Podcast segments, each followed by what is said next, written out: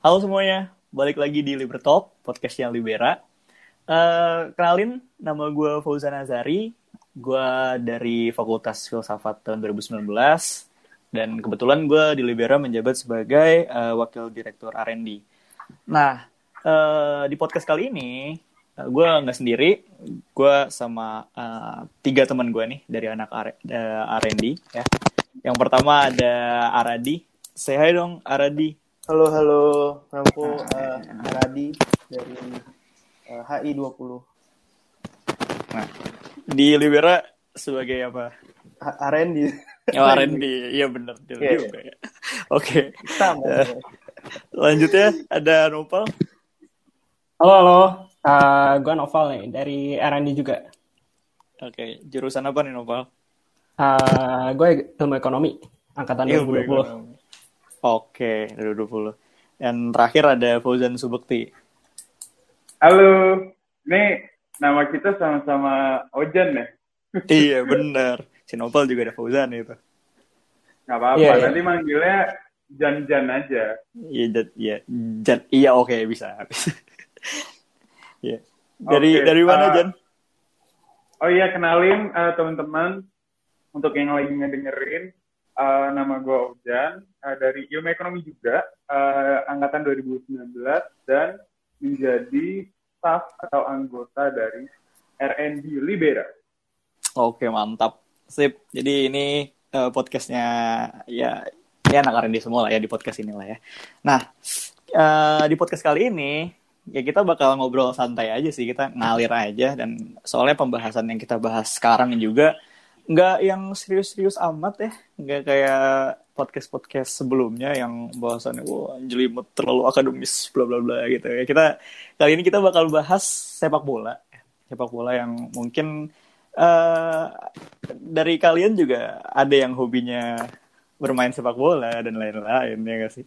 Udah lah pokoknya. Nah kita bakal bahas sepak bola di sana tapi kita nggak bakal bahas dari segi kayak bursa transfer pemain, kita bahas uh, apa namanya kayak Messi masuk PSG dan lain-lain. Kita nggak bakal bahas itu, kita mungkin bakal bahas lebih ke uh, ya terutama sepak bola nasional sih kayak kenapa sepak bola nasional ini sekarang kesannya kayak bobrok dan gitu-gitu aja. Penyebabnya apa sih?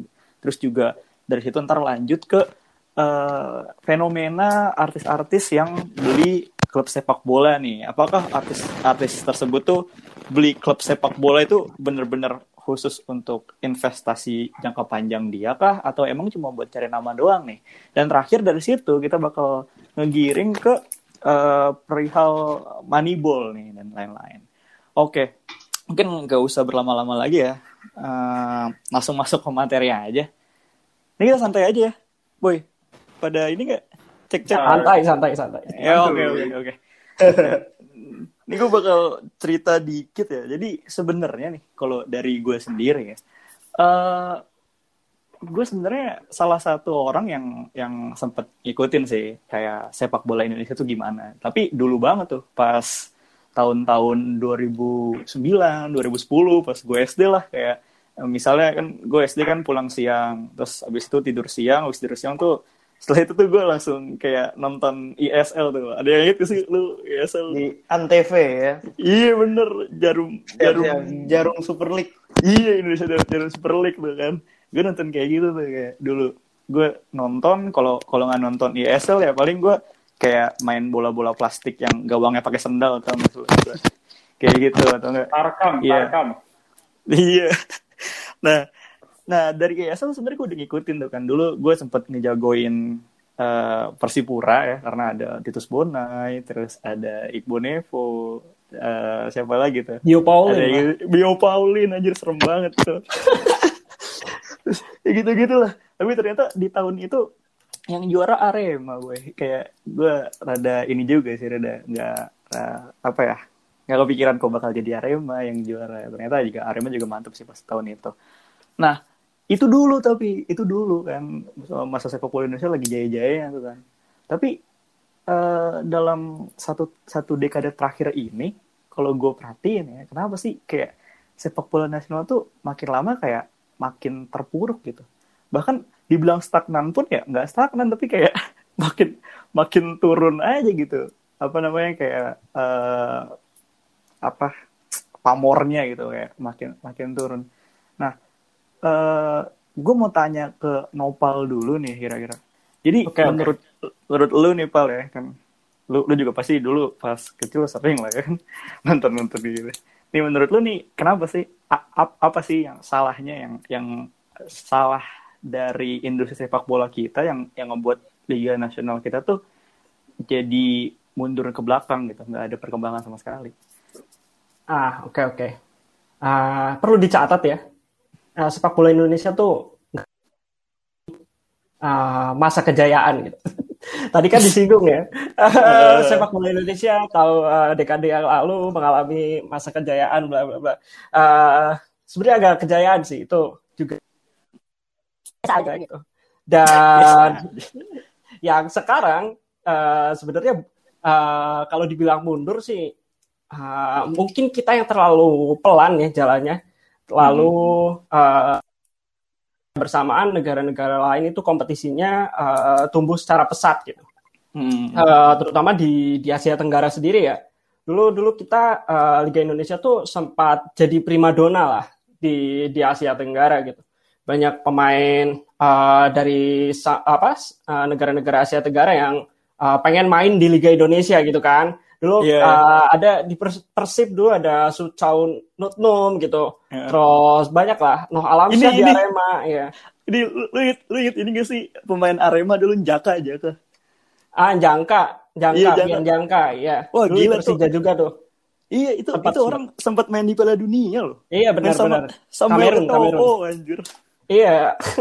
nah, makanya kan dulu dulu tuh uh, sepak bola Indonesia di Asia Tenggara tuh uh, bisa dibilang nomor satu lah gitu.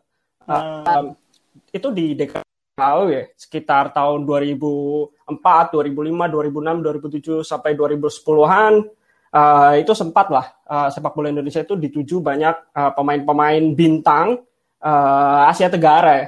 Uh, hmm. Mungkin kalau dunia ya yang mau pensiun gitu, uh, kayak Pierre Nyangka tadi uh, akhirnya ke Indonesia gitu kan.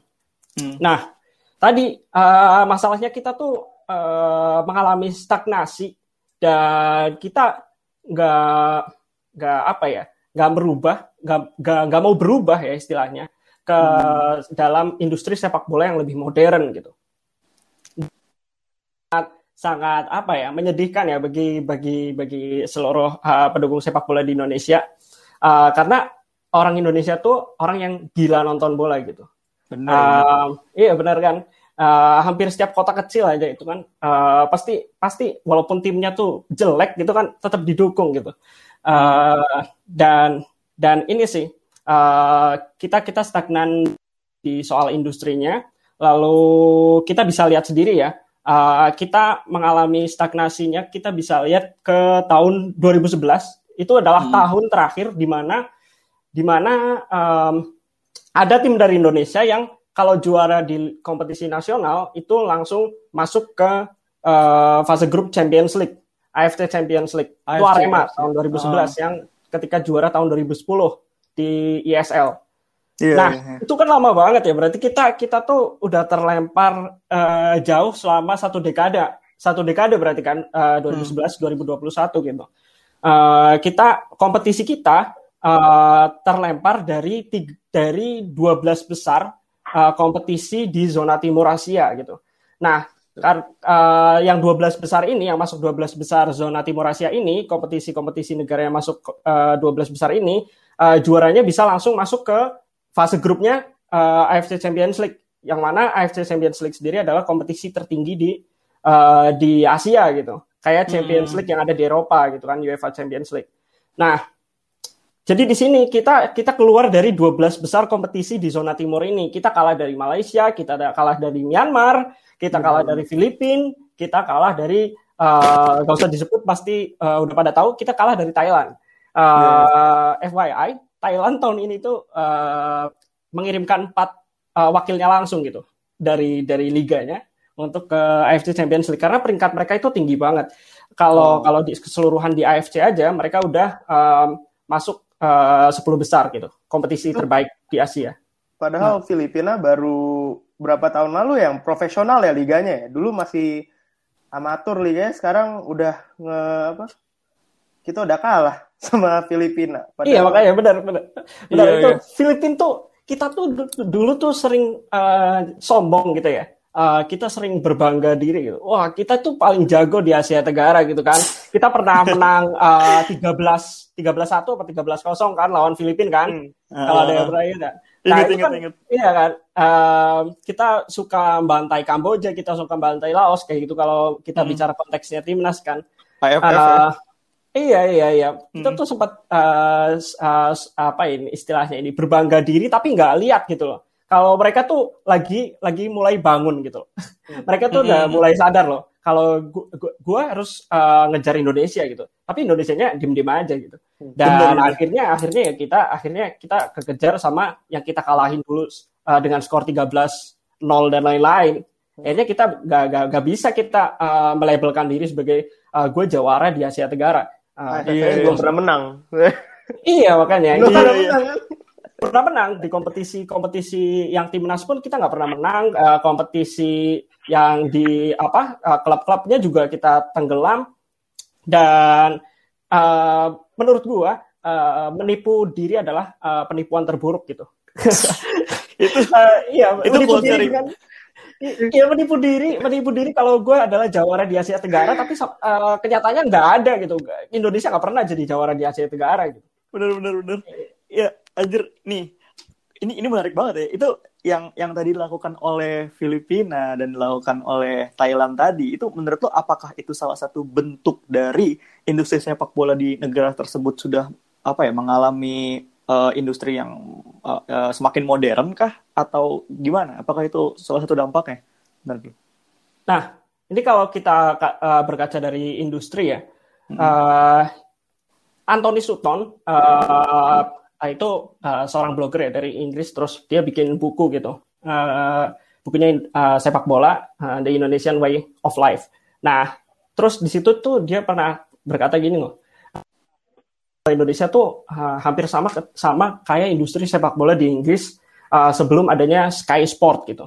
Uh, sebelum adanya apa ya kapitalisasi sepak bola gitu. Sepak bola Inggris yang benar-benar tradisional tahun 60-an, hmm. tahun 70 gitu. Yang sepak yang bola para pekerja-pekerja itu nggak sih yang main? Iya iya iya. Keras lah pokoknya hooligan apa ada. Iya, iya benar-benar. iya.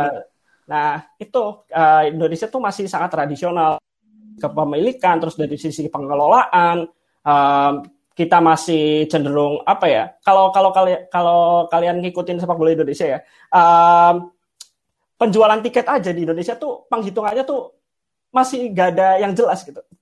Uh, hmm. Jadi kan kalau di di liga-liga yang maju ya di Eropa itu mereka penjualan tiket tuh adalah salah satu uh, pemasukan mereka kan.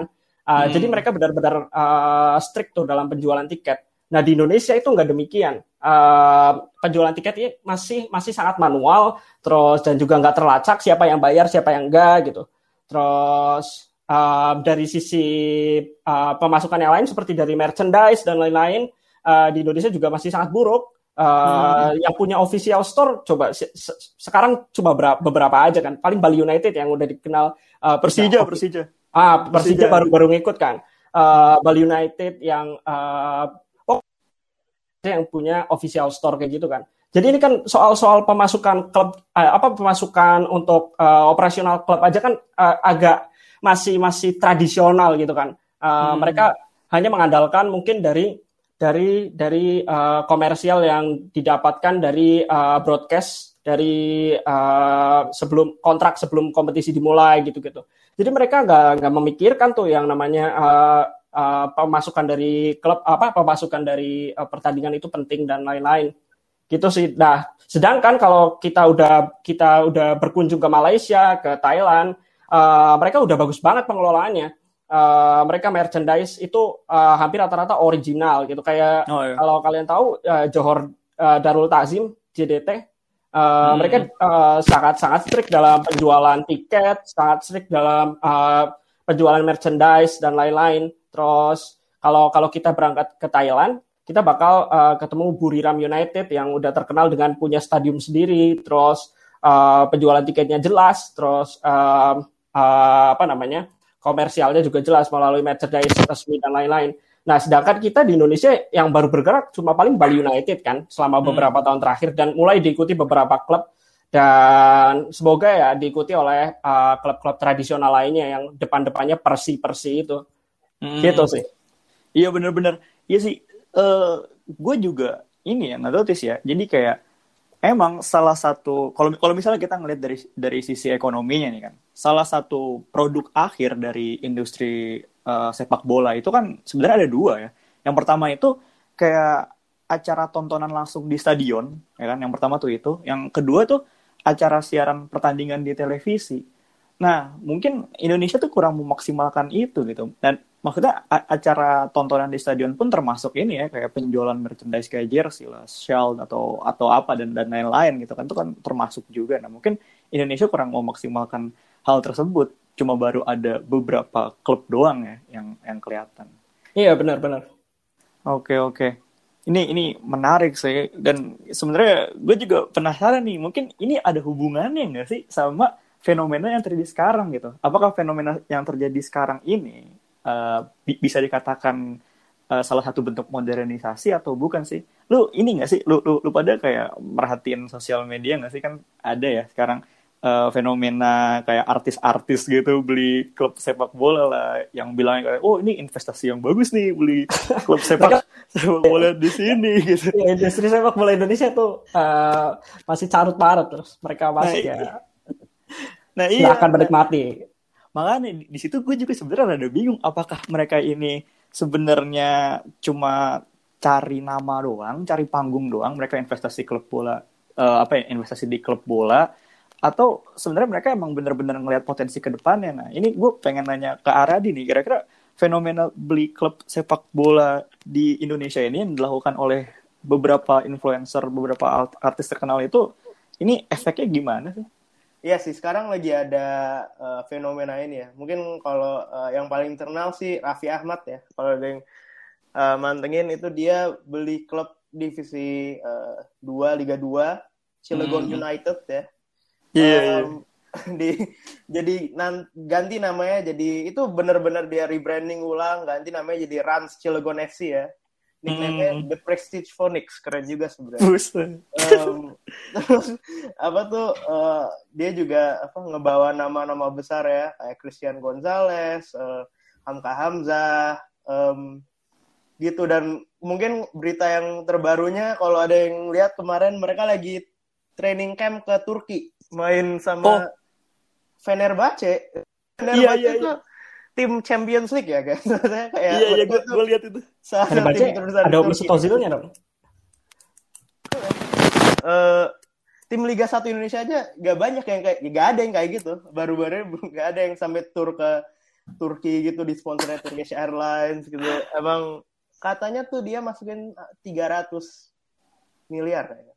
Uh, apa um, ke klub ini dan mungkin selain Raffi Ahmad juga uh, Atta Halilintar uh, dia habis ngebeli PSG uh, bukan Paris Saint Germain tapi Putra Sinargiri. Uh, oh, di kaget gue di Pati Jawa Tengah. Uh, uh, dia ganti namanya jadi AHA AHA ini dan dia juga ngebawa uh, udah ngebeli satu pemain uh, mantan timnas dalam Zamrum. Mungkin yang kurang yang nggak terlalu terkenal ya itu juga ada beberapa lagi. Ada uh, Gading Martin yang dia ngebeli Persikota uh, Tangerang uh, sama hmm. juga uh, Kaisang Kaisang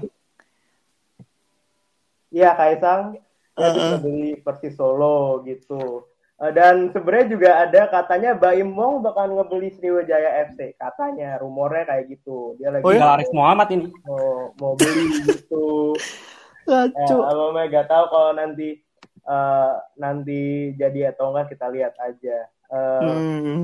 Itu padahal Sriwijaya salah satu klub besar juga ya, tapi kemarin Makanya. turun ke, ke turun ke Liga 2 ya. Kelihatan ya berarti kalau misalnya uh, mau sejago apa timnya kalau misalnya tuh udah turun kasta ya dan kurang uh, mainnya kurang bagus ya di lapangan ya investasinya menghilang ya. Uh, dan sebenarnya ini tuh uh, ya make sense sih, uh, apalagi di jam sebenarnya di zaman covid ini ya klub-klub Indonesia tuh struggling semua Uh, apalagi klub-klub Liga 2 ya yang mereka itu uh, source of income-nya itu uh, gak pasti. Uh, klub Liga 1 aja sekarang uh, banyak yang struggling juga. Uh, jadi uh, buat uh, banyak yang mau ngejual lisensi mereka dan ngejual saham di klub mereka dengan murah. Soalnya sekarang mereka klub-klub ini jadi beban, apalagi karena gak ada kompetisi jalan. Iya iya. Memang, itu gimana? gimana? Itu itu gue ngeliatnya ini sih kayak jadi kasihan ke klubnya gak sih? Jadi itu dia kayak ketergantungan investor gitu. Ada investor masuk klubnya naik, pas investor cabut jadi boncos gitu. Iya itu. Iya itu. Padahal kayak yang uh, Indonesia tuh uh, sepak bola Indonesia tuh populer banget kayak uh, kemarin Menpora kayak uh, Menpora habis uh, ada survei ya katanya hampir 77 persen uh, bola mau nonton atau uh, atau main atau hmm. cuman ya suka kadang-kadang baca aja atau apa 77% dari populasi kita tuh wah itu itu banyak banget kan orang yang banyak itu. itu banyak dan ya industri sepak bola Indonesia tuh uh, ya bernilai 3 triliun setiap tahun gitu um, Gila, ya. jadi emang ada potensi bisnisnya juga ada potensi bisnis uh, jangka uh, panjangnya dan ya artis-artis uh, ini ya jelas apalagi yang nge-rebranding ya itu pasti dapat hmm. ada ya itu semacam simbiosis mutualisme lah ngebantu klub-klub ini yang kecil tapi juga brand mereka makin bagus kan makin terkenal kan mereka kan uh, di kalangan hmm. di uh, Indonesia gitu dan ini sebenarnya disupport sama Menpora gitu uh, hmm. kemarin katanya ini ya anak-anak muda udah investasi di sepak bola Indonesia tuh uh, bagus. Apalagi kemarin kan tahun 2019 kan ada impres dari presiden nomor tiga hmm. yang bilang bahwa ya itu buat percepatan pengembangan sepak bola Indonesia gitu. Jadi emang mau didorong ke arah industri dan dia ke arah yaitu investor-investor ini. Jadi ini uh, apa, dilihatnya sebagai contoh bagus nih. Ada uh, next generation ya yang mau nginvest di sepak bola Indonesia gitu. Iya ya, Berarti kurang lebih nih, ya.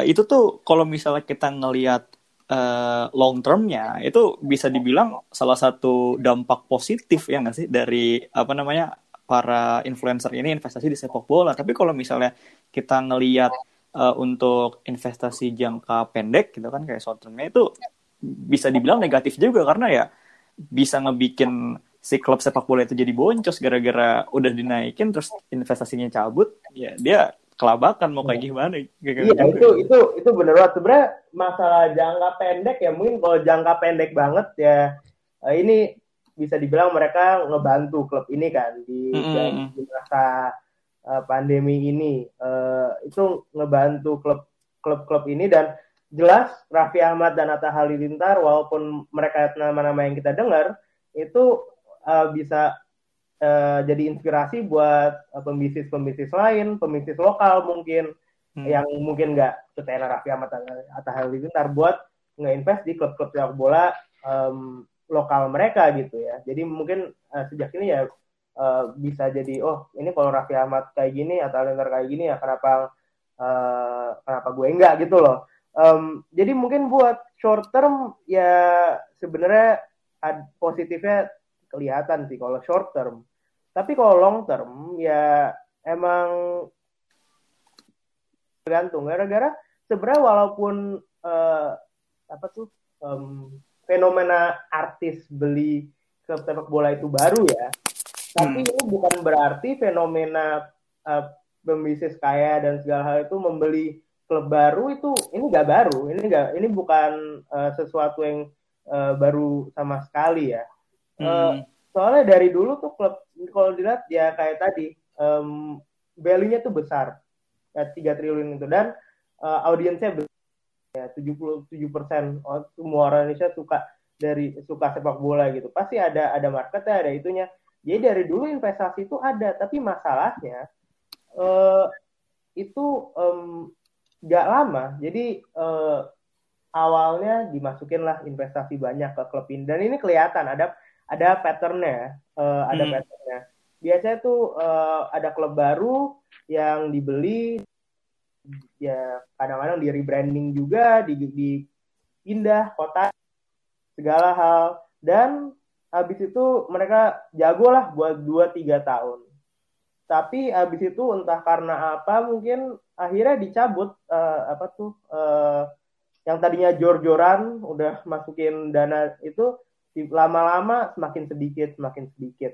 Gitu. Hmm. um, dan iya kayak kayak lo bilang itu tadi ya sama aja bohong kan. Berarti akhirnya sepak bola di kota itu dan sepak bola di, Indonesia secara keseluruhan akhirnya ada cycle itu terus. Jadi ada uh, ada investor yang tertarik beli klub sepak bola uh, terus apa jaya lah buat beberapa tahun. Mungkin jago buat beberapa tahun terus dibuatlah akademi segala hal. Tapi tiba-tiba tiga tiga tahun tiga musim habis itu dijual lagi gitu dijual lagi akhirnya dipindah lagi di rebranding lagi segala diganti lagi mulai dari nol dan ini uh, dan rata-rata seperti itu kalau misalnya di Liga 2 ya. Uh, hmm. Rata-rata se seperti itu. Jadi um, emang gak banyak yang bisa sukses mengambil klub ini dan walaupun apa pun yang terjadi di lapangan uh, jadi lanjut itu ya. Mungkin salah satu contohnya Glenn Sugita ya di Persib Bandung ya. Sekarang hmm. uh, sampai hari ini mereka kan lebih uh, bisa survive ya dan cukup bagus gitu. Uh, padahal namanya namanya gak besar kan, tapi uh, dia ngeinvest dan sekarang Persib Bandung itu lihat stadionnya kemarin aku tuh inget nonton mereka tuh pertama kali aku lihat di Liga Indonesia ada tahu nggak apa iklan-iklan yang di samping lapangan itu mm, yang tahu tahu itu tuh pertama kali aku lihat ada stadion Indonesia dengan itu tuh di stadionnya Persib gitu. Jadi mereka itu sekarang cukup oke. Tapi um, lihat aja klub-klub yang rebranding kayak yang udah rebranding banyak kayak Pelita Jaya Pelita Jaya itu dulu klub besar ya di Indonesia ya. Mm -hmm. uh, cukup terkenal ya. Tahun nonton apalagi zaman zaman ISL mm. mereka tuh uh, ya up and down terus. Mereka tadinya di Karawang awalnya Pelita Masran terus ke Karawang Pelita Jaya Karawang Pelita Jaya Purwakarta Pelita Bandung Raya Persipasi Bandung Raya terus habis itu jadi Pelita Madura United sekarang jadi Madura United gitu pindah-pindah kota mulu ya makanya kan kayak pindah-pindah mulu tapi itu menunjukkan satu hal berarti investasi sebenarnya ada, ada, ada. Berarti itu kan beberapa investor uh, berbeda kayak oh enggak ini ada pelita sekarang lagi kurang bagus beli ah ganti gitu. Berarti hmm. internetnya ada gitu dan investasi selalu hmm. ada buat klub-klub Indonesia. Tapi suksesnya itu benar-benar ya apa on off on off kayak gitu ya. Mungkin yang sukses itu baru Sriwijaya ya. Uh, kemudian hmm. kan di Jawa Timur ya. Uh, terus pindah ke Solo terus baru pindah jadi Sriwijaya. Tapi ini juga Sriwijaya turun lagi sekarang udah udah agak itu lagi dan mau beli sama Bayemong tadi jadi makanya ini masalah kesuksesan tuh. Dan efeknya itu harus dilihat dari segi short term dan long term. Dan long term itu ya nggak bisa dilihat dari sekarang. Kita karena tergantung niatannya si uh, investor ini mau dia artis atau enggak itu uh, sebenarnya kalau yang melihat bahwa oh ini bagus artis-artis pada ngebeli klub sepak bola buat mereka bisa mengembalikan uh, Indonesia ke yang tadi saya bilang masa jayanya quote on quote padahal masa jaya nggak ada ya nggak ada itu nggak ada iya iya, iya. itu harus dilihat di uh, musim-musim ke depan gitu iya oke okay, oke okay. berarti ya itu tadi ya berarti di investasi sepak bola pun ada sisi negatif dan positifnya ya. Dan untuk long, long term tadi juga udah jelasin sama Aradi ya. Long term itu ya tergantung si investor ini mau mau ngebawa si sepak bola eh, mau ngebawa si klub ini tuh ke mana sih arahnya. Dia si niat si investor ini mau apa melalui klub sepak bola itu gitu. Kasihan juga sih sebenarnya kalau misalnya sampai harus kayak apa namanya Persita ya tadi ya Persita itu. Oh Pelita Jaya ya sorry Pelita Jaya. Itu itu kasihan banget sih. Aku ingat banget. fansnya itu. Iya uh, fansnya itu dia. Iya, kan? Gak cuma bilang sih. Uh, juga pemain-pemain muda ya di setiap kota gitu. Contohnya, yeah, iya, ah iya benar benar benar. Dari Karawang. Oh Karawang kan kayak gak tahu ya mungkin dulu oh ini ada klub liga liga super yang datang. Itu pemain anak-anak muda di Karawang dan akademinya kan pasti oh tiba-tiba dapat ya, SSB-nya ya SSB gitu. Dapat uh, fasilitas gitu kayak dia ada ada pass dari pemain youth bisa jadi ma langsung main ke Liga 1. Eh habis itu beberapa Cabut. tahun udah apa udah dikasih dream ya, udah kayak oh ini bisa ada klub Liga 1 di kotaku gitu. Uh. Terus ganti ke Purwakarta tuh habis itu ke Bandung terus ke mana ke mana Madura sekarang kan kasihan itunya sih sama fansnya juga benar iya iya sumpah sumpah itu itu sedih banget sih orang-orang akademinya makanya iya. uh, uh, kalau kalau gue boleh komentar ya tadi kan hmm. Aradi tuh nyebutin angka statistik kan 77% orang Indonesia tuh ngefans sepak bola gitu kan hmm. gila itu itu lebih besar dari badminton kayak itu badminton yang paling berprestasi aja kalah gitu kan sama sepak bola yang gini-gini aja kan nah uh. Uh, ini PR ya buat buat para investor yang baru masuk ke dunia sepak bola Indonesia kalau boleh uh, kalau kita boleh kasih tahu mereka tuh kayak Raffi Ahmad, Atta Halilintar dan lain-lain, daya beli salah satu masalah ya yang sangat membuat klub-klub itu tidak tidak tidak tidak profesional dalam uh, operasionalnya dalam hal pendanaan operasionalnya itu adalah gara-gara pemasukan dari fansnya itu dikit gitu. Uh, tadi hmm. pertama yang um, karena apa uh, pencatatan tiket dan lain-lain masih jelek gitu. Terus hmm. masih banyak yang uh, streaming online bajakan dan lain salah uh, satunya lagi yang perlu sangat diperhatikan itu kenapa terjadi gitu hal hal-hal kayak pembajakan terus uh, dan lain-lain itu permasalahan tadi karena adalah adanya rendahnya daya beli gitu daya hmm. beli dari dari fans yang dalam tanda kutip fans itu adalah di Indonesia itu sangat sangat sangat uh, kecil gitu hmm. uh, kalau dibandingkan dengan Eropa gitu orang Eropa kalau tim apa uh, uh, pemasukan dari fans itu adalah pemasukan yang paling stabil dibandingkan pemasukan dari brand dibandingkan dengan pemasukan dari um, broadcast. Karena apa? Hmm. Karena sejelek-jeleknya apa pun, misalnya Liverpool ya, ta, uh, medio uh, dekade awal uh, dekade ini, uh, pemasukan mereka tuh stabil gitu dari dari fans karena mereka hmm. beli beli beli merchandise originalnya, beli tiketnya juga setinggi apa pun tetap mau gitu.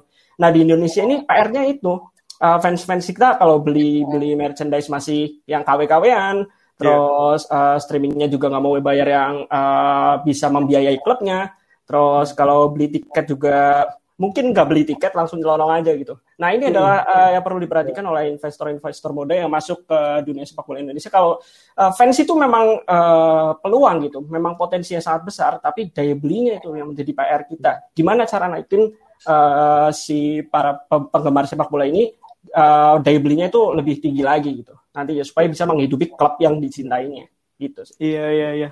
Berarti oh. emang apa ya kayak erat banget gitu kaitan antara uh, bisnis uang gitu kan perputaran uang bisnis dalam dalam dunia sepak bola tuh erat banget. Ini kayak ini ini gue bakal ini sih bakal bakal lanjut ke selanjutnya sih ini ini, ini ada ada hubungannya juga nih.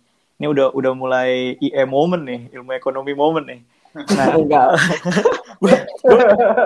bakal bakal nanya bakal nanya ke ini nih, bakal nama bakal nanya ke si Fauzan Subakti nih. Ini kan uh, uang uang atau perputaran bisnis dalam sepak bola itu itu sebenarnya seberapa besar sih dan dan proyeksi pertumbuhan industri sepak bola di Indonesia itu seperti apa kira-kira? Gimana, Fauzan? Oke, okay. uh, eh, pertama-tama sebelum uh, eh, gue ngejawab mungkin disclaimer dulu ya. Kalau ngomongin tentang uh, berita-berita atau misalnya sepak bola as in tontonan mungkin uh, Novel sama Aradi udah lebih jago nih. Soalnya saya juga saya juga seperti lu Jan. Jadi kenal kenal sama suka bola Indonesia itu zaman dulu. Iya. yeah pas zamannya Hendro Kartiko masih jadi kiper. oh, masih, Jauh masih banget. celana panjang gitu. Belum lahir. Belum lahir. Oke. okay.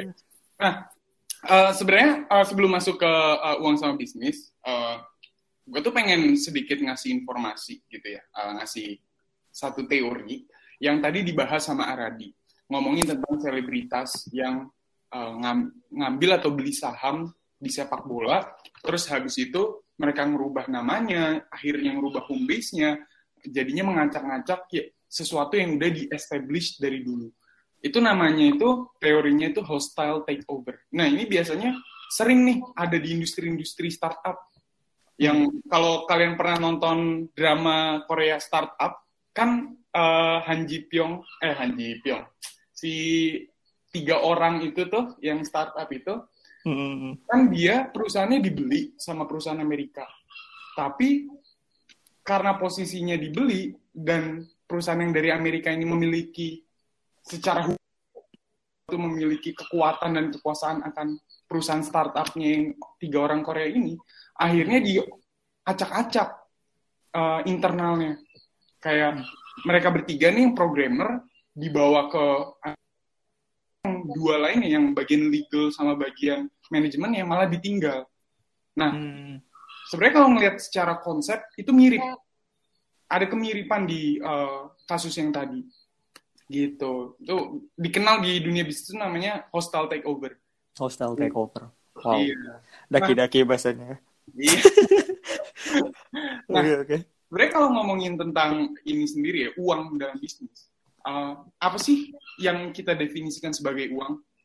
Karena uh, measurementnya banyak gitu uh, perhitungannya. Tapi di sini gue pengen nge-highlight salah satunya yaitu market volume uh, dari industri sepak bola di Indonesia. Jadi kalau menurut data dari Statista, di tahun 2021 ini industri sepak bola Indonesia itu memiliki market volume 1.558 juta. Wow. USD, bukan bukan rupiah. USD. USD. Coba kalau dirupiahin dengan kurs misalnya kursnya 14 ribu itu berarti sekitar 22 triliun 22 itu, triliun itu bukan uang dikit sih itu bukan uang dikit sih bahkan itu dibilang uang banyak aja nggak tepat itu uang sangat banyak benar benar 23 triliun kalau misalnya dibeliin micin itu satu dunia yang bego tuh kayaknya. iya iya iya. nah, tapi walaupun gitu, sebenarnya kalau ngebandingin nge-compare sama negara-negara lain, contohnya Cina, Indonesia tuh masih kalah jauh. Indonesia kan tadi kalau uh, dari USD itu sekitar satu, sekitar 1,5an, 1,5an uh, million juta Hmm. Sedangkan kalau misalnya China itu 100, satu banding 100. Kita masih punya 100 langkah lagi kalau misalnya ini anggapannya setiap tahun naik satu ya.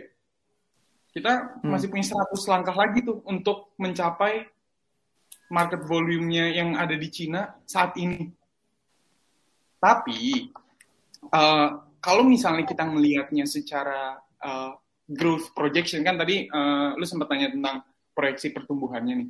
Yeah. Salah iya. satu hitungan yang biasa sering dipakai di dalam dunia bisnis dan ekonomi itu ada yang namanya CAGR atau Compounded Annual Growth Rate.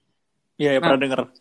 Ya, nah CAGR-nya di Indonesia, uh, kalau menurut uh, data dari Statista, dari periode sekarang ini 2021 hingga 2025 nanti, itu berarti sekitar 4 tahun ya, bakal ada kenaikan 10 persen, sekitar 10 persen CAGR-nya. Uh, menjadi yang sekarang itu sekitar 1000 juta USD, nantinya di 2025 diproyeksikan menjadi 2000 sekitar 2.300-an juta USD. Wow, wow. Itu kalau di Indonesia ini 32 triliun. Berarti naik 10 triliun gitu kalau proyeksi ke depan ini naik 10 triliun. Tapi balik oh. lagi, uh, tadi gue setuju sih sama perkataan uh, Noval. Kalau misalnya kalau ngebandingin sama negara lain, mungkin growth-nya itu kita bisa dibilang kecil. Hmm. Masih it's a long way to go untuk mencapai selevel Cina yang sekarang. Tapi sebenarnya kalau kita ngebandingin sama Cina kurang adil juga sih. Soalnya kan Cina ini ya punya penduduk terbesar juga ya di jadi kurang begitu adil kalau misalnya dibandingin. Hmm. Tapi umum secara konsep itu seperti itu. Hmm. Nah itu untuk industri, gue penasaran ya untuk untuk industri sepak bola di Cina sendiri nih. Ini gue gue mau nanya ke Novel, itu kira-kira kenapa mereka bisa kayak gitu? Ada, ada hubungannya nggak sih sama sama apa ya industri mereka yang udah udah lebih modern gitu? Iya, itu iya. gimana uh, kalau kalian cek ini ya, cek kayak uh, siapa sih ownernya uh, uh, Shanghai Shenhua gitu. Siapa hmm. sih ownernya uh, yang paling terkenal di China tuh dulu ada Guangzhou ya. Guangzhou, nah, iya, iya. Hmm, iya kan? Mereka tuh ownernya tuh Taipan semua. Wow. Jadi uh, uh, jadi menariknya kalau di Indonesia itu kan kayak Taipan itu kan uh, sebenarnya uh, kayak Raffi Ahmad itu kan belum masuk ke kategori itu ya. Taipan itu kan belum masuk kan Taipan hmm. bisnis apa gitu. Nah kalau di China ini uh, mereka mereka uh, ini ya owner care gini. Jadi kenapa klub-klubnya itu bersaingnya uh, sangat uh, juga selain penduduknya banyak ya. Ini adalah uh, masuknya para Taipan ke sepak bola China gitu. Jadi uh, mulai banyak tuh pemain dari Eropa yang muda-muda ya kayak Oscar gitu masih muda kan Oscar uh, ya di Chelsea tiba-tiba pindah. Oh itu. Iya yeah, kan? yeah, yeah. tiba-tiba pindah ke China gitu. Nah terus uh, misalnya dulu ada yang namanya uh, Pele dari Italia gitu. Uh, main di Southampton. Uh, terus tiba-tiba uh, pas main di Southamptonnya bagus tiba-tiba pindah ke China. Itu kan mengejutkan ya. Uh, karena apa? Karena duit uh, mereka duitnya banyak banget tuh. Selain dari penduduknya yang sangat banyak, banyak uh, dari dari sisi owner care-nya ini uh, mirip-mirip kayak Manchester City, terus uh, uh, PSG gitu-gitu. Jadi ownernya langsung naruh duit aja ke klubnya supaya uh, tumbuh gitu. Dan wow. itu salah satu yang membedakan uh, sepak bola Cina dan Indonesia. Di sana uh, uh, yang milik, uh, memiliki klub itu uh, para Taipan gitu, benar-benar Taipan. Bayangin aja kalau di Indonesia ya uh, kayak uh, yang punya jarum gitu, terus naruh duit di Arema gitu. Nah mungkin itu hmm. uh, uh, harusnya kayak gitu kalau kalau mau kayak industri yang benar-benar isinya duit gitu ya. Tapi tapi gue menarik nih. Ini ini jadi aneh gak sih kalau misalnya yang owner jarum naruh duit katakanlah tadi yang lu bilang di Arema, terus sementara sponsor kompetisinya sendiri jarum gitu. nah itu itu konflik of interest itu. Nggak boleh. Nggak boleh itu nggak bisa yeah, yeah. curang banget. Um, kayak tapi ini menarik ya dari kayak apa yang kalian bilang ini tentang Cina ya. Emang aku juga terkejut banget pas ngelihat Oscar, Graziano Pele gitu-gitu yang mereka pada bint yang baru booming ya dan muda-muda itu pindah ke hmm. di China uh, yang hmm, kemarin yes, itu. Betul. Tapi uh, tapi yang aku baru baca-baca ini um, walaupun duitnya yang masuk itu banyak ya dan uh, pemain-pemainnya bintang gitu, coach-coachnya juga pemain-pemain bintang lah segala hal ya.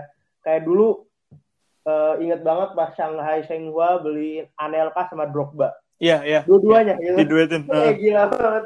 Dua Chelsea itu.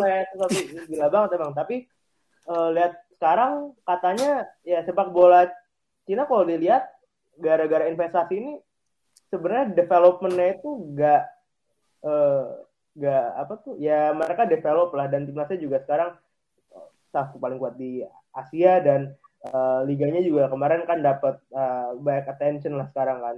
Tapi mm. katanya sekarang mereka lagi dalam krisis krisis sepak bola Cina.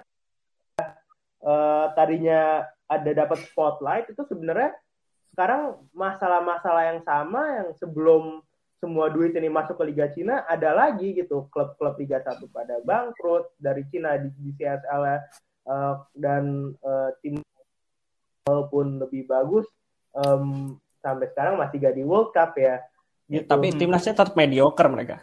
Iya makanya dan ya, itu iya, iya. Cuma dan, kompetisinya emang nomor satu sih. Kalau iya, aku lihat nomor satu. Tapi sekarang aja udah mulai apa tim-tim di liga pertama ya lo pada bangkrut-bangkrut dan sekarang pemain bintangnya nggak sebanyak yang dulu gitu. Hmm. Jadi emang mungkin itu ya uh, bener kayak untuk kalau mau ngambil contoh balik ke Liga Indonesia ya uh, investasi dan duit banyak sekarang itu apa boleh ya masukin uh, pas pemasukan ya. Pasti ada improvement dikit. Tapi apakah long term itu akan membuat improvement? Mungkin belum belum tentu ya. Belum tentu. Iya iya. Bang itu itu yang yang tadi kayak lu bilang di itu berarti ya, kembali lagi itu kan investasinya lebih ke sifatnya yang instan ya. Nah iya. yeah. naruh uh, duit uh, terus uh, udah lu beli pemain dari luar gitu. Uh, apa beli pemain bintang supaya narik atensi dan lain-lain gitu Uh, tapi ya, apakah mereka memikirkan pembinaan bibit-bibit uh, dari grassrootsnya? apakah mereka memikirkan infrastrukturnya lagi, uh, klubnya gimana dan lain-lain. Uh, jadi kalau instan itu emang emang uh, kayak Premier League lah awal-awal pas Premier League baru baru jalan itu kan timnas Inggris kan mediocre ya sampai sekarang juga uh, baru-baru kemarin nih jago kan. jadi jadi uh, uh, banyak klub-klub yang maju gitu gara-gara duitnya banyak dari owner dan lain-lain tapi timnasnya tetap jelek. Ya itu gara-gara hmm. salah satunya adalah uh, sangat instannya uh, in, uh, apa namanya investasi yang dilakukan oleh para owner ini. Itu juga yang dila ini itu juga kenapa yang banyak bilang artis-artis ini yang sekarang itu apalagi ya Raffi Ahmad ya dia kayak yang tadi aku bilang kayak investasi ke dalam klub ini ber berjor-joran dia uh, banyak yang kritik gara-gara mereka maunya instan ya. Pertama mulainya hmm. dari Liga 2, bukan liga paling bawah dan itu ngebeli uh, lisensinya klub Cilegon United itu. Terus kedua, uh, Liga 2 itu dibuat rule-nya supaya uh, pemain-pemainnya itu um, harus main muda dan juga gak boleh pemain dari luar ya gitu. Jadi itu untuk mengembangkan talenta sepak bola di Indonesia. Itu bagian dari salah satu cara uh, eh, PSSI mau nge-improve timnas Indonesia dan nge-improve player development di Indonesia gitu. Jadi Liga 2 nah. benar-benar harus main Indonesia dan uh, gak boleh kayak ya ada kayaknya ada kuotanya deh buat pemain-pemain muda gitu. Dia belinya malah pemain-pemain bintang dari Liga 1 gitu. Dia nah, dari nah, itu dia turunin gitu. Instan tadi, instan tadi mm -hmm. itu orang-orang lah kalau saya emang kamu mau investasi paruh panjang itu long term kenapa nggak mulai dari bawah dan kenapa nggak develop pemain-pemain lokal gitu pertanyaannya. Itu kenapa orang-orang hmm. kayak ini kayaknya mau instan mau gimmick-gimmick aja gitu supaya uh, namanya jadi tambah tenar atau segala hal lah in, uh, interest bisnis gitu. Bener-bener nih gue ada satu pertanyaan ini baru buat kepikiran tadi ya. Nih terkait uh, para investor yang mau mau instan gitu uh, dengan dengan beli pemain-pemain yang yang apa ya bisa dibilang ya dia bintangnya lah. Nah menurut lu nih perlu nggak sih PSSI itu ngasih kebijakan yang uh, mewajibkan si investor ini dia ada ada limitnya gitu untuk untuk ngambil pemain bintang. Terus juga selanjutnya tuh si investor ini harus lebih fokus ke pengembangan uh, akademinya, terutama kayak pemain-pemain muda barunya gitu istilahnya kayak gini lah kayak misalnya ada perusahaan. Nah si perusahaan ini kayak ya lu lu kalau misalnya pengen investasi di misalnya katakanlah di daerah A ya lu harus nyerap tenaga kerja daerah A. Jangan olahannya doang terus tenaga kerja lu ya dari dari negara lu gitu loh kayak.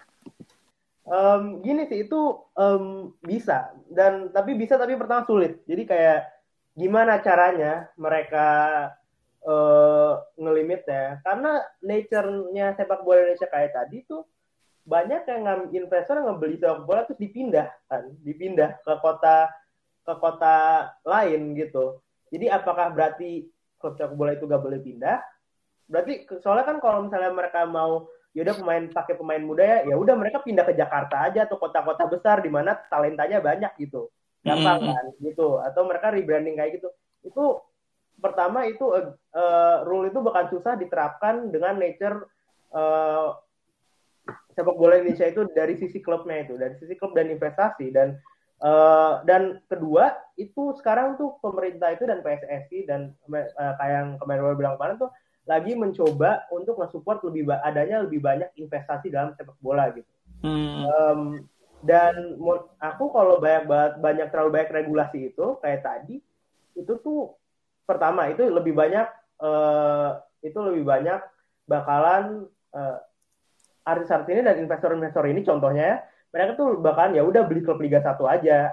Mereka gak mau mulai dari bawah soalnya kalau mulai dari bawah susah. Kedua ya kayak tadi banyak yang maunya itu instan, banyak yang maunya instan dan uh, namanya aja pembisnis ya pasti mereka mau dapat returns mereka secara cepat kan apa dari investasi ini baik uh, gak banyak yang mungkin mau mikirnya secara long term. Dan itu akan uh, susah gara-gara untuk ngebimbing talenta lokal uh, untuk membangun dari bawah apalagi di, di sistem sepak bola Indonesia yang um, liganya dan segala hal itu ya uh, apa tuh nggak sampai masih sampai sekarang tuh grassroots saya itu grassroots sistem dari Liga 3 sampai Liga 1 itu kurang bagus itu akan susah dan itu benar-benar gambling menurutku. Kayak itu tergantung talenta di sana seperti apa dan uh, kayak apakah ada masalah-masalah lain kayak gitu. Jadi uh, itu malahan menurut aku akan kayak jadi takut gitu orang-orang buat nginvest di sepak bola Indonesia atau tapi at the same time itu berarti orang-orang yang mau nginvest benar-benar orang-orang yang punya plan long term. Dan itu benar-benar yeah. kalau dilanjutin tuh bakalan uh, growth di kota itu atau di wilayah itu itu bakalan baik bagus sekali. Tapi sayangnya menurut aku ya ya duitnya gak bakal banyak yang masuk. Soalnya orang-orang bakal akhirnya gak tertarik gitu. Itu sih masalahnya. Dan sekarang kayaknya PSSI itu lebih coba invest ke sepak bola Indonesia. Cuma ini mumpung tim-tim lagi pada banyak yang terpuruk gara-gara covid apa namanya coba banyakin investasi di, di klub Indonesia gitu. Iya iya iya hmm, berarti Aradi ini lebih lebih memandang kalau oh banyaknya kebijakan malah akan uh, apa ya nakut-nakutin para investor nih lebih baik ya kebijakan dikurangi biar investor masuknya jadi lebih ya. enak gitu saya gitu sih saya gitu tapi kalau itu yeah. bisa itu bakal bagus banget sih itu bakal nge-solving banyak masalah long term. Iya, yeah, oke okay, oke. Okay. Kalau dari nah, Novel gimana, Kalau, kalau gue sih mikirnya gini ya, uh, industri sepak bola bakal maju ketika owner-owner yang masuk ke uh, industri sepak bola itu benar-benar uh, cinta gitu sama sepak bola hmm. dan klub yang dibikinnya gitu. Uh, pertanyaannya gini kan, ketika cinta itu, uh, ketika gak ada cinta itu, mereka kan pengennya instan terus mendapatkan return yang secepatnya, seinstan-instannya. Hmm, nah, hmm. itu udah terjadi lama banget gitu di sepak bola Indonesia. Itu bahkan dari ketika uh, klub-klub bola itu uh, dipegang sama pemerintah daerah gitu. Dulu dulu klub-klub Indonesia tuh banyak ya. Uh, uh, dana operasionalnya tuh dari APBD. Dan lucunya bahkan beberapa daerah oh. tuh uh, yang sampai ngeluarin duit APBD yang lebih bes lebih besar untuk porsinya untuk klub lokal daripada uh, untuk uh, dana kesehatan, pendidikan dan lain-lain itu itu menarik. Seriusan? Iya, Wah, ini udah tahu loh. Seriusan, seriusan. Itu uh, terjadi di, uh, di di di era Orde Baru gitu dan uh, cukup lama bahkan uh, kebijakan yang ada untuk melarang uh, uh, pemerintah daerah untuk memiliki apa uh, untuk ngasih APBD-nya untuk klub daerah itu baru di tahun 2011. Hmm. hmm, itu kan itu juga instan tuh kalau kalau politik uh, itu kan supaya buat naikin citra bupatinya, citra uh, partai yang menang di situ dan lain-lain. Uh, itu instan juga termasuknya. Uh, selain dari return uh, bukan kalau kalau politik uh, returnnya bukan dalam bentuk ini ya, dalam bentuk apa namanya? Dalam bentuk uh, benar-benar uang gitu. Bu, tapi mereka returnnya dalam bentuk dukungan untuk power ke depannya. Dan yeah, yeah. ini salah satu yang jadi soal kalau kalau gak cinta ya gitu, mereka maunya instan uh, masukin duit, terus beli pemain-pemain bintang, terus melupakan uh, pembentuk akademinya gitu, akademi yang dari grassrootsnya ini. Nah, uh, coba deh uh, searching aja gitu. Uh, berapa sih klub di Indonesia yang punya akademi dari dari usia kayak di Eropa lah, dari mulai usia ula uh, under eight apa eight years old gitu uh, hmm. di bawah 8 tahun dan lain-lain itu masih sangat sedikit gitu dan itu hmm. uh, menandakan bahwa ya kita masih instan-instan aja gitu dan ini perlu ya dari regulasi untuk uh, dari PSSI supaya uh, setiap uh, orang yang mau masuk ke industri sepak bola harus berkomitmen uh, menanamkan uangnya juga dalam hal uh, pembangunan akademi infrastruktur akademi itu, dari uh, bawah. itu dia yang pengen tekanin. Hmm, benar-benar nah, ya, hmm. itu penting banget karena cuma beberapa aja gitu klub di Indonesia yang punya akademi dari bawah gitu. Dan hmm. dan kedua ya mungkin selain dari akademi itu mungkin perlu penekanan lagi kalau misal ada peraturan kayak misal uh, financial fair play gitu kayak di Eropa gitu. Kayak di uh, US jadi maksudnya tuh uh, klub-klub tuh diawasin gitu uh, laporan keuangannya. Uh, hmm. apakah mereka ketika membeli pemain-pemain bintang itu bakal uh, aman gitu uh, kondisi keuangan mereka gitu? Uh, hmm. kalau kalau nggak aman kalau dianggap nggak aman berarti mereka dapat ban bisa dapat ban. Uh, kayak Chelsea uh, di tahun beberapa tahun yang lalu dapat ban juga kan dari UEFA karena uh, uh, apa namanya uh, kena financial fair play juga kan uh, hmm. dan ini gara-gara mereka dianggap gak aman gitu dalam uh, mengeluarkan uangnya. Nah hmm. jadinya jadinya ini juga penting mungkin buat di sepak bola Indonesia dijadiin kayak ada semacam kebijakan financial fair play yang dilihat kalau apakah ini tim-tim yang instan ini ketika membeli pemain-pemain bintang ini aman gitu uh, dalam hmm. mengeluarkan uangnya gitu. Nah itu penting juga uh, hmm. untuk untuk dipikirkan. Nah, tapi masalahnya yeah. juga transfer di Indonesia ini kurang jelas. Jadi gak ada yang kayak iya. Fabrizio Romano nge-tweet nih, uh, Samsul Arif pindah uh, dengan harga 5 miliar gitu transfernya. Di sini hmm. gak ada gitu. Jadi transfernya udah betul, di betul. aja. betul betul. Iya, uh. ya. jadi ini pengawasannya susah juga gitu. Ketika kita mau pakai financial fair play kayak banyak uh, klub pemainnya pindah tuh ya gara-gara kontraknya habis. Terus uh, hmm. lu tanda tangan kontrak di klub gua gitu. Uh, bukan karena satu uh, klub itu membayar uh, apa namanya release clause-nya dari klub lain gitu. Dan ini ini perlu dipikirkan sih. Uh, masih hmm. ruwetnya ketika mau uh, ngasih kebijakan fair play tadi. Dan yeah, itu yeah. mungkin sih ya perlu dipikirkan uh, pembatasan tadi, pembatasan uang yang dikeluarkan dan juga uh, dari sisi uh, ada syarat kalau kalau lu mau masuk industri sepak bola ya harus uh, bangun akademi gitu, nggak boleh instan. Nah iya iya. It, itu itu dia sebenarnya yang jadi pertanyaan aku. Bener-bener ini ini menarik sih bener. Si Nopal ini dia ngasih pandangan yang berbeda ya. Jangan jangan sampai uh, para investor ini dia apa ya menampakkan keserakahan dia gitu. Dia dia cuma invest doang tanpa ada cinta gitu terhadap klub tersebut. Jadinya cuma ya cuma buat cari cuan doang gitu. Nggak nggak nggak merhatiin akademinya nggak merhatiin lain-lainnya gitu. Apalagi kayak di Indonesia sendiri transfer aja masih masih bisa dibilang kurang transparan kan ya tadi dan lain-lain gitu. Nah ini aku pengen nanya selanjutnya nih ke Fauzan Subekti gimana nih menurut lu pandangan lu? Sebenarnya gue jawabnya singkat aja sih ya. Uh, yang gue tangkap itu kan uh, tadi investor yang ingin investasi bahasa investasi instan gitu dan kebijakan PSSI. Nah, hmm. yang pengen gue highlight di sini, gue sebenarnya pengen nyamain konsep aja sih. Uh, biasanya untuk investor-investor ini nggak cuma berlaku di industri sepak bola ya, tapi juga termasuk di industri-industri lainnya. Biasanya kalau hmm. misalnya mereka cuma melihatnya secara jangka pendek, itu bisa merusak uh, keberlanjutan dari perusahaan tersebut. Nggak usah nggak usah ngambil yang jauh-jauh deh. Yang paling deket ini aja. Kemarin kan buka lapak lagi oh, iya. tinggi tingginya ya kan? Boncos iya iya. Nah yeah. banyak orang-orang masyarakat masyarakat yang melihatnya secara jangka pendek, di mana saat hari Rabu kemarin itu nilainya turun, langsung pada cut loss. Ujungnya apa? Ujungnya harga saham Bukalapak itu saat ini di harga awal dia IPO dan itu merusak image. Pertama merusak image perusahaan dan hmm. arus modal juga. Hmm. Gitu. Sebenarnya simpelnya sih gitu. Kalau ngomongin tentang uh, apa namanya investor yang ingin investasi cepat gitu iya. di sepak bola. Kalau nah, kalau menurutku itu itu juga sih salah satu apa ya sifat dasar manusia nggak sih greedy gitu. Lu lu bayangin misalnya nih lu naruh duit 27 triliun gitu kan.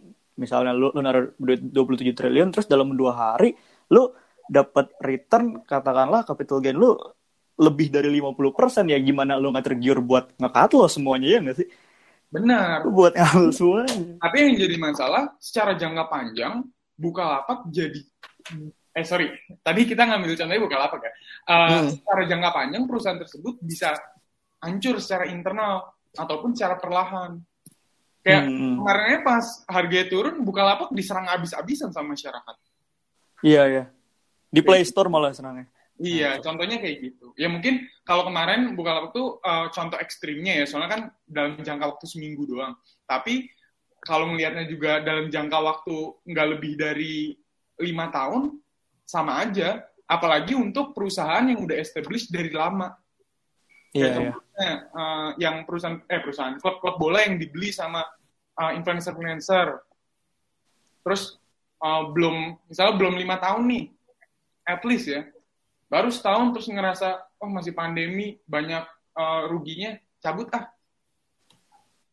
Udah ngeru pertama nama nama diganti terus home base dirusak gitu.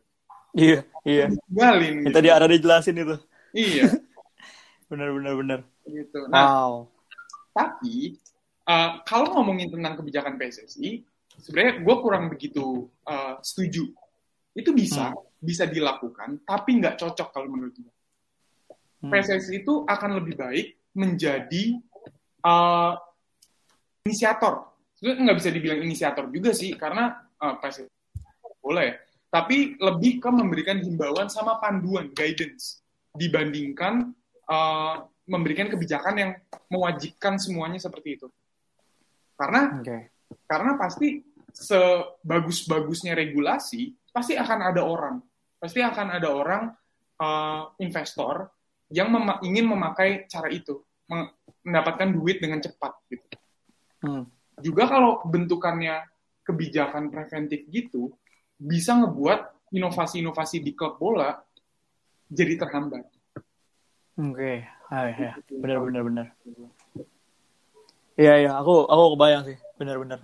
Itu itu itu juga jadi salah satu yang harus di highlight sih ya. Bisa apa ya? Kebijakan itu ya bisa ngebuat si investor itu jadi nggak bebas tuh melakukan uh, maksudnya dengan ada pembatasan seperti itu hmm. investor-investor nyari industri lain kayak iya, iya, iya. pertumbuhan itu bisa, itu bisa. malah nanti nggak nggak bisa maju-maju gitu bener bener bener ya itu sih mungkin yang khawatirkan karena walaupun fanbase mungkin gede tapi kan secara ya di namanya juga hidup kan pasti ada ngomongin tentang uang gitu loh. Hmm. gitu. apalagi di mata investor.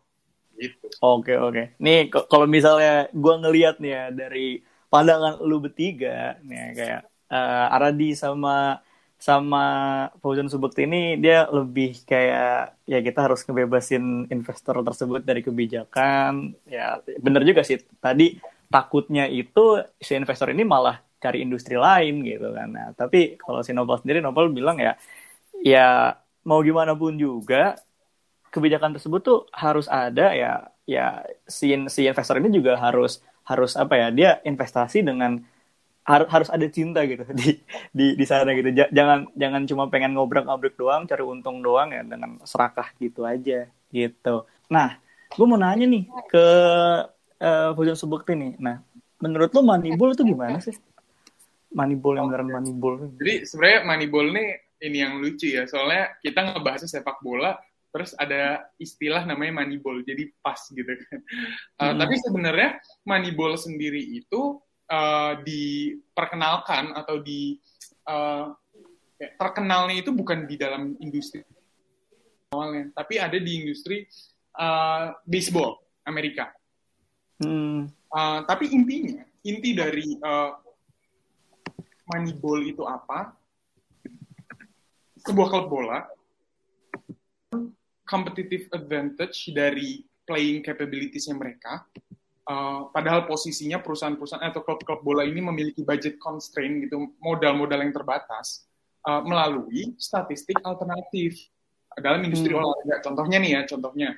Ini contoh simpel ya.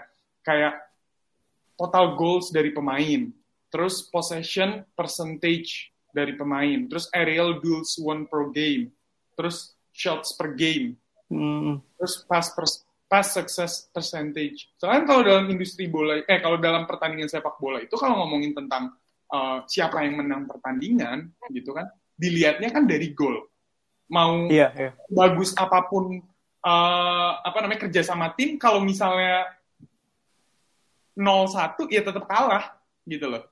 Nah, jadi bisa dilihat dari uh, statistik-statistik uh, yang relevan.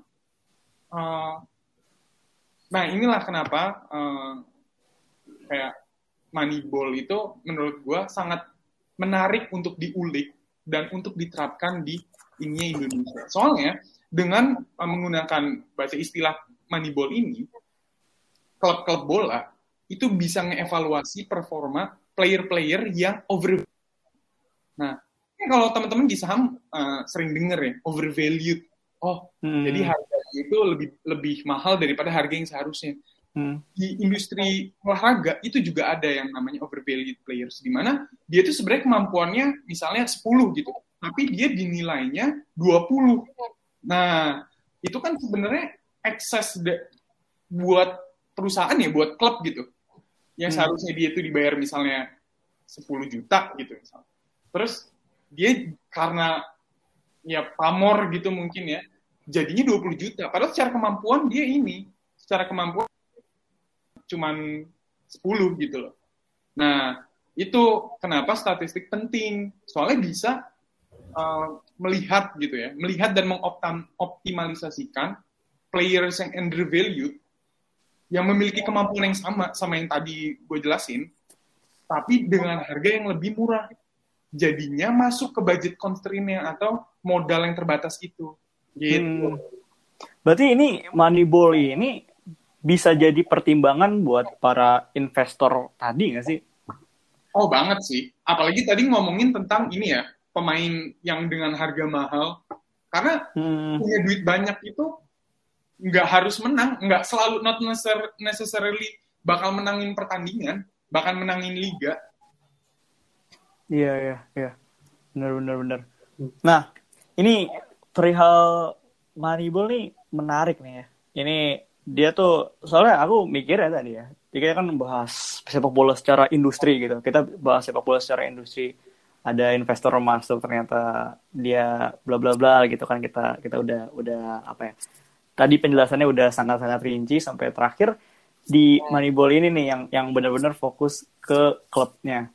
Nah, uh, aku mau nanya nih ke kalian bertiga nih ya. Tadi kita udah bahas secara makro tuh kan, udah bahas secara makro industrinya kayak gimana dan tadi masuk ke penjelasan tentang Moneyball itu gimana sih? Nah, udah jelasin tadi kan sama Fauzan Subakti. Nah, gue mau nanya ke kalian bertiga sekarang. Kira-kira Moneyball itu yang tadi dijelasin sama Fauzan Subakti itu uh, itu kira-kira bisa nggak sih diterapkan di Indonesia? Bukan bukan bisa ya, tapi lebih lebih apa ya? Kayak Indonesia ini sebenarnya udah siap belum sih kalau misalnya para klubnya ini menerapkan sistem money ball gitu. Kalau soalnya kita kan ngelihat tadi ya dari industri yang udah yang bisa dibilang katakanlah sekarang bobrok gitu. Terus juga tadi ada udah udah ngelihat kan ada udah ngelihat hilal ada ini ya, ada apa namanya para investor dari influencer pada masuk gitu.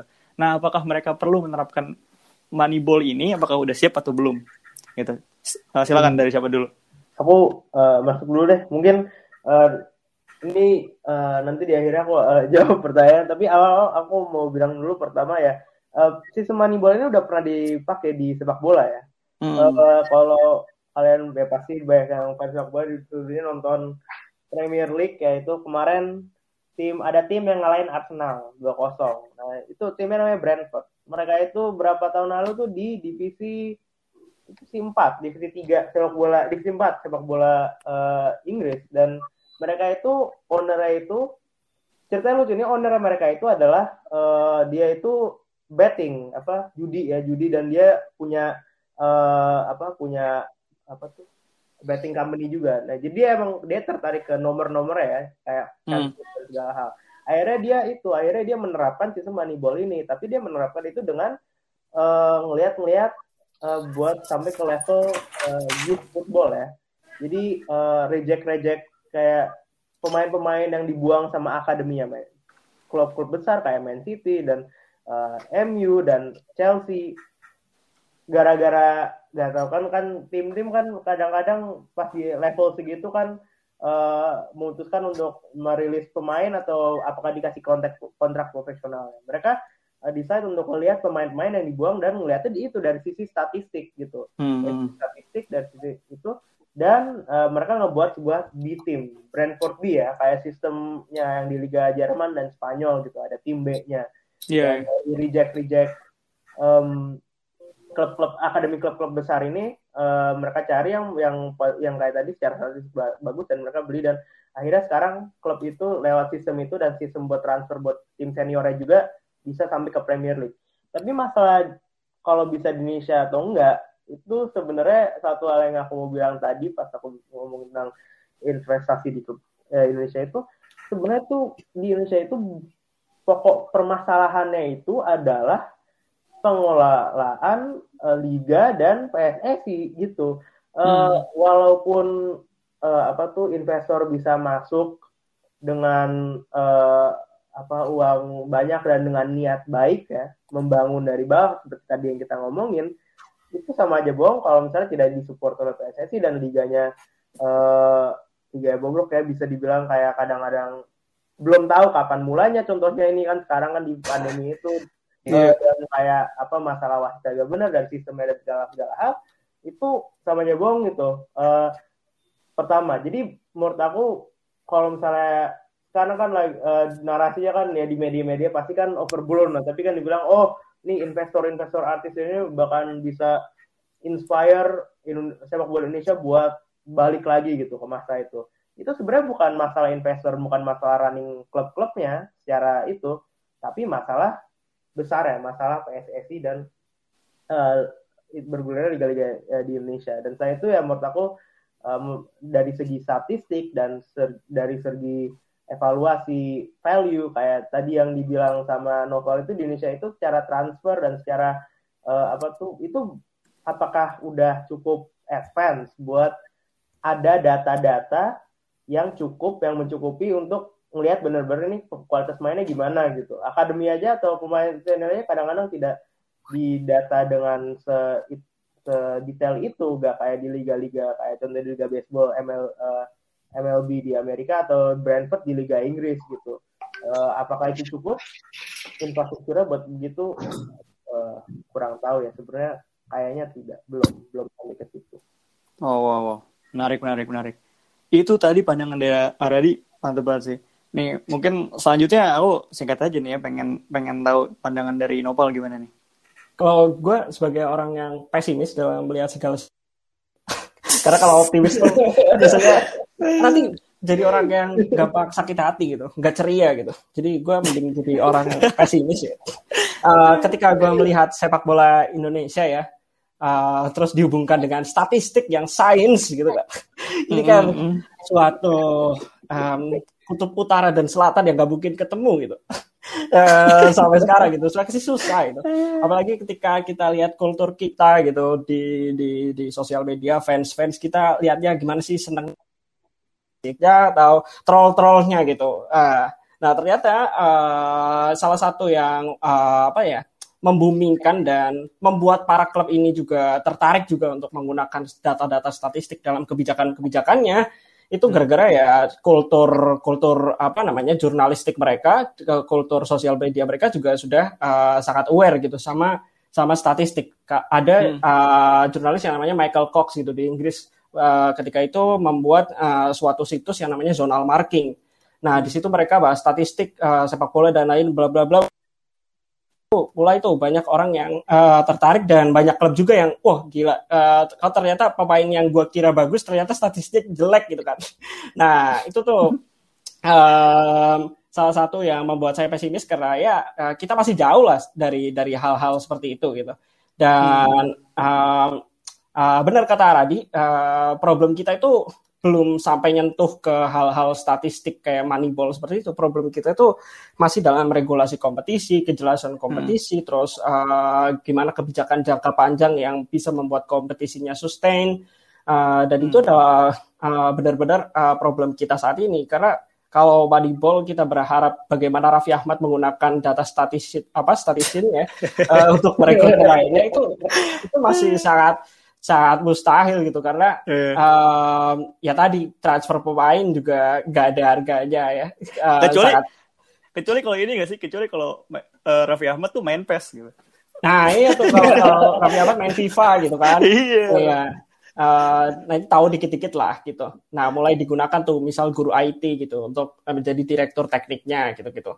Nah, yeah, yeah. ya di situlah kita masih jauh dari hal-hal statistik karena karena kita juga olah datanya buat uh, kayak kalau kita nonton Liga 1 gitu, apa kita pernah lihat expected goals gitu di, ditampilkan gitu secara umum di di TV hmm, nasional? Sangat jarang gitu. Uh, kita nggak pernah bahas itu. Kita bahasnya ya gol, terus assist gitu kan.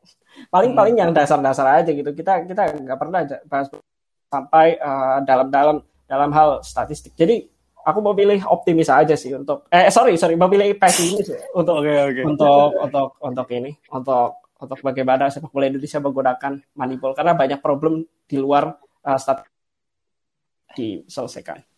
Gokil gokil. Anjir menarik banget sih ini. Menarik banget sih ini pandangannya Nopal tadi dicampur sama Radi nyambung juga ternyata. Nah nanti ntar gue bakal ini sih bakal apa namanya uh, kasih kesimpulan terakhir lu udah nih dari uh, Fauzan Subukti gimana nih kalau dari lu sendiri? Sebenarnya kalau dari gue sendiri gini, uh, kalau pengen rapin uh, konsep dari Moneyball itu sendiri berarti kan pengen menerapkan sebuah perubahan. Hmm. Nah kalau menurut gua moneyball konsep moneyball itu bukan sesu, bukan metode uh, untuk mendapatkan return yang cepat. Jadi sem, semisal masalah di Indonesia itu masih berada di investor-investor yang terburu-buru gitu ya bahasanya, moneyball bakal susah di dipakein di Indonesia gitu, diimplementasikan. Hmm. Tapi gini, gue uh, bukan pesimis sih, tapi lebih gue balikin lagi ke masyarakat Indonesia, mungkin kepada para pendengar ya, atau mungkin nanti ada investor bola yang mendengar podcast ini kan, amin. amin, semoga gue jadi investor sih. Kita share ke uh, Raffi Ahmad ya. Iya. nah, kalau menurut gue, uh, untuk diterapin secara luas di Indonesia, praktik moneyball ini perlu mem, perlu adanya momentum. Kayak kalau yang kita tahu kan kalau kita pengen melakukan sebuah perubahan, kita tuh harus punya momentum. Kayak contohnya 98. Ada momentumnya, ya kan? Padahal posisinya udah terjadi dari lama dari lama gitu permasalahannya. Maksudnya opportunity-nya nih. Contohnya opportunity dari Moneyball itu udah ada dari 2000, dari tahun 2000. Tapi sampai sekarang Kenapa masih nggak dipakai? Karena masih belum menunjukkan seberapa signifikan Moneyball ini. Belum ada momentumnya.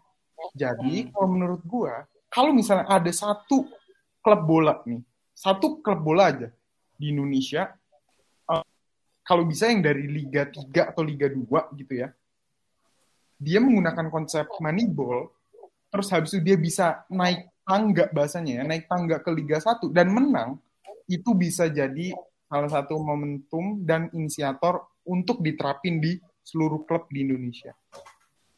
Tapi yang perlu diingat untuk satu klub bola ini, dia pasti saat dia menerapkan konsep moneyball ini, dia pasti akan memasuki emerging phase. Hmm. Baru dia masuk ke growing phase, terus ke mature stage. Jadi di emerging phase ini, klub bola itu nanti Hmm, bahasa gimana ya kayak menerapkan konsep moneyball tuh bukan berarti satu musim langsung men kayak yeah, di, iya. satu, di satu musim lu bisa langsung dari peringkat terbawah langsung jadi peringkat tertinggi enggak enggak kayak gitu. Iya, yeah, yang Ini long run, long run game gitu. Karena hmm. kan tadi ngomong Nah, statistiknya dari mana? Ya dari hasil pertandingan. Hasil pertandingannya ya dari liga-liga itu. Jadi misal di tahun ini ikut nih. Nah, kan data data-datanya baru diperoleh tahun ini. Ya nggak? Nah, baru bisa diterapin evaluasinya di tahun depan. Kayak gitu. Nah, jadi di, di emerging phase ini, klub bola tuh harus tahu lu nggak akan langsung menang gitu. Baru nanti setelah posisi lu menang, terus habis itu klub-klub lain kan pasti, hah? Ini klub dari mana kok tiba-tiba bisa bahasa gitu lah uh, ini klub kecil dulunya gitu kok bisa menang hmm. bisa bisa menjuarai gitu nah uh. ini masuk ke growing phase di mana mulai diterapin ke semuanya dan itu benar-benar uh, secara implementasi growth rate-nya itu bakal signifikan banget tuh naik karena wah okay. daripada gue pakai asumsi wah uh, gue punya banyak duit dia mahal pasti dia jago daripada kayak gitu gue nyari yang lebih murah aja tapi kemampuan bahasa kan kayak gitu kan hmm.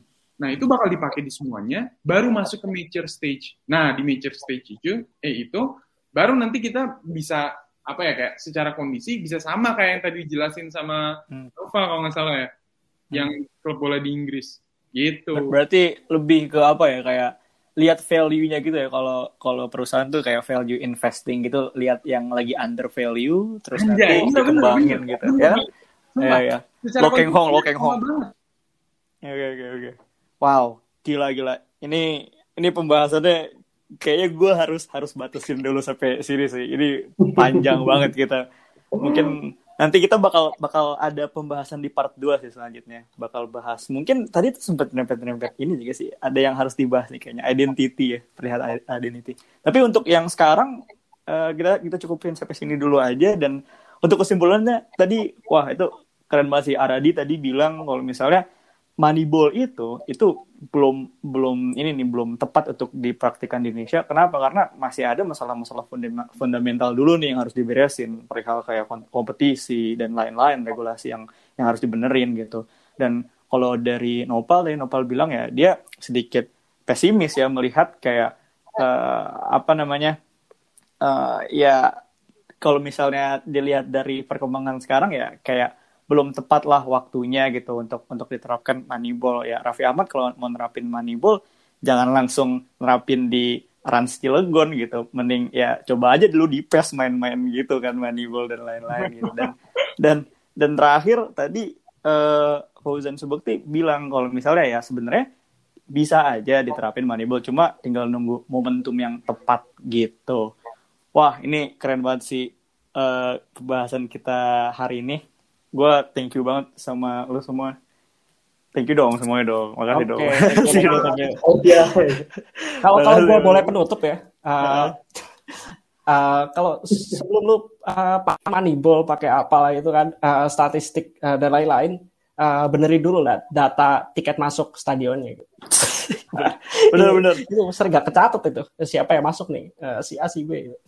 karena mau mau Iya, sekarang mau gimana pun juga itu salah satu sumber pemasukannya nggak sih? Iya, benerin data dari situ dulu, pakai Excel dulu gitu uh, buat uh, tiket masuk gitu. Itu tuh. pakai Excel dulu ya, jangan jangan pakai apa sih? Lu tau gak sih yang yang dibolongin tiketnya gitu? yang dibolongin tiketnya. Stapler, stapler, iya. ceklek. Iya, ceklek ceklek bolong, udah masuk nih, itu masuk. Anjir anjir. Ya oke. Okay. Mungkin gue cukup sampai sini aja. Keren banget uh, apa namanya pembahasan uh, podcast kita kali ini. Mungkin kurang lebihnya mohon maaf. Uh,